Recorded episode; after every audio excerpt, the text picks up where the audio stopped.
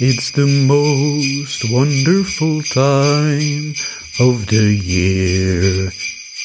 Zo klinkt het toch in, in veel liedjes vandaag. Meestal in het Engels. Met van die sleebelletjes, weet u wel.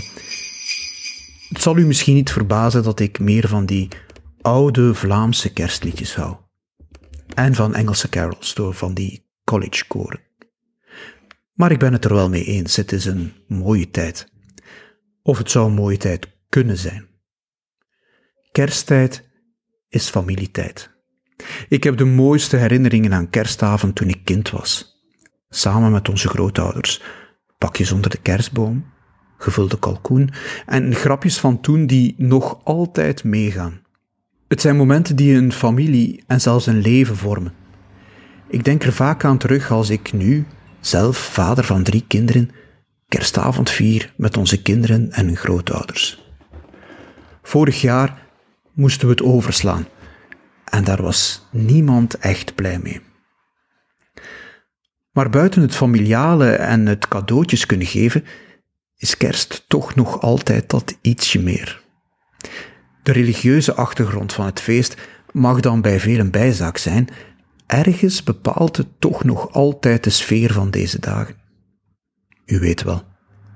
In Bethlehem werd een kind geboren. Thuis of in een stal, voor wie niet bijbelvast is, er is een verschil tussen het verhaal bij Matthäus en bij Lucas. Midden in de winternacht ging de hemel open.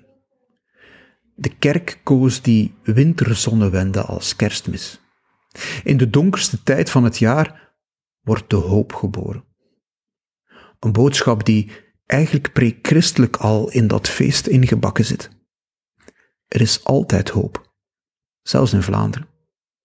Kerstmis brengt ons terug naar de essentie, de onderlinge menselijke verbanden, onze familie.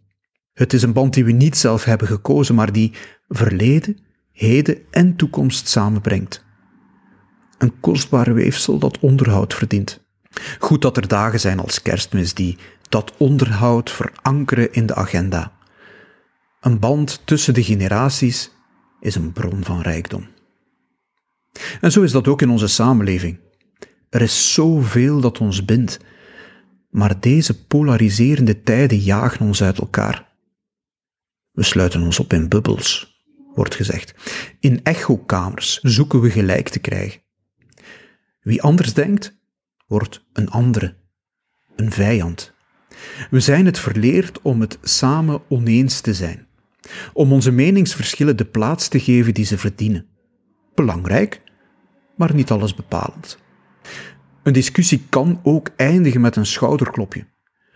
Met de vaststelling dat we het nooit eens zullen worden, maar wat drink je van mij? En hoe is het met de kinderen? Dat is samenleven. Dat is wat we te weinig hebben. We focussen te veel op de verschillen en te weinig op wat ons bindt. Verbindend. Het is een politiek modewoord dat vandaag helaas gebruikt wordt om ons te verdelen. Doordat we hier op dit stukje grond samenleven, zijn we lotsverbonden. We delen een verleden, soms, maar zeker een heden en een toekomst. En we moeten vooral in dialoog blijven. Weten wat er leeft en in gesprek blijven. Dat is ook altijd een doel van doorbraak geweest. De dialoog gaande houden. Meningen publiceren die leven in Vlaanderen, maar in de media wat weggeduwd worden, omdat ze door anderen niet gewenst zijn, omdat ze anderen storen. Ik krijg regelmatig berichten van lezers die zich storen aan een vrije tribune van een politicus of een opinie van een auteur. En dan probeer ik altijd uit te leggen waar doorbraak voor staat. Wij vinden het belangrijk dat je op een fatsoenlijke manier van mening kan verschillen. Wij vinden het belangrijk dat opinies kunnen geuit worden. En het is ook belangrijk dat die kunnen tegengesproken worden. Auteurs op doorbraak mogen het oneens zijn met elkaar, maar dat wordt alsmaar moeilijker. Want voor de buitenwereld moet doorbraak een label krijgen. Geen cordon toepassen maakt ons dan een extreemrechtse site, een megafoon voor extreem rechts. Zijn we kritisch voor het COVID-beleid? Dan is doorbraak een antivax-site. Wie ons in dergelijke hokjes perst, negeert dan die andere opinies die we publiceren, die een andere mening verdedigen.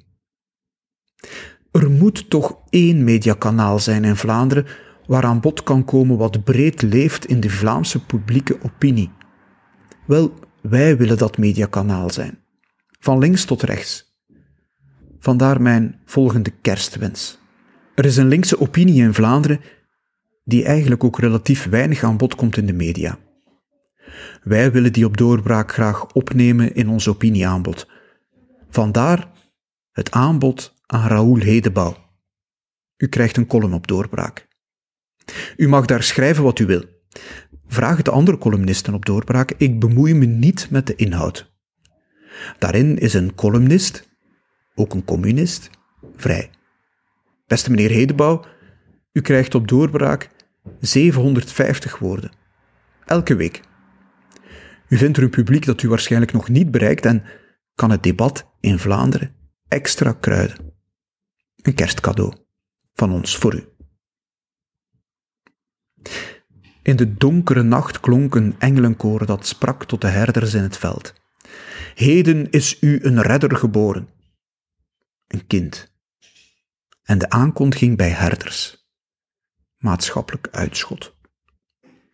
Zo situeert de evangelist Lucas het begin van het christendom. Het is een omkering van waarden. We zijn die omgekeerde waarden zo gewoon geworden dat het chockerende ervan voor een publiek van die tijd, ja, dat zien we niet meer. Zoiets chockerend heeft onze maatschappij vandaag misschien ook nodig om wakker geschud te worden. De jongste tijd bekruipt me vaak het gevoel dat we vandaag iets schokkend meemaken. Laat ons tussen de pakjes en de gezelligheid vandaag stilstaan bij kerstmis. Dat er hoop is. Dat redding uit onverwachte hoek altijd mogelijk is. Dat we elkaar niet loslaten. We hebben een hele toekomst voor ons als we leren om het samen oneens te zijn. Oneens, maar toch samen. Zalig kerstfeest.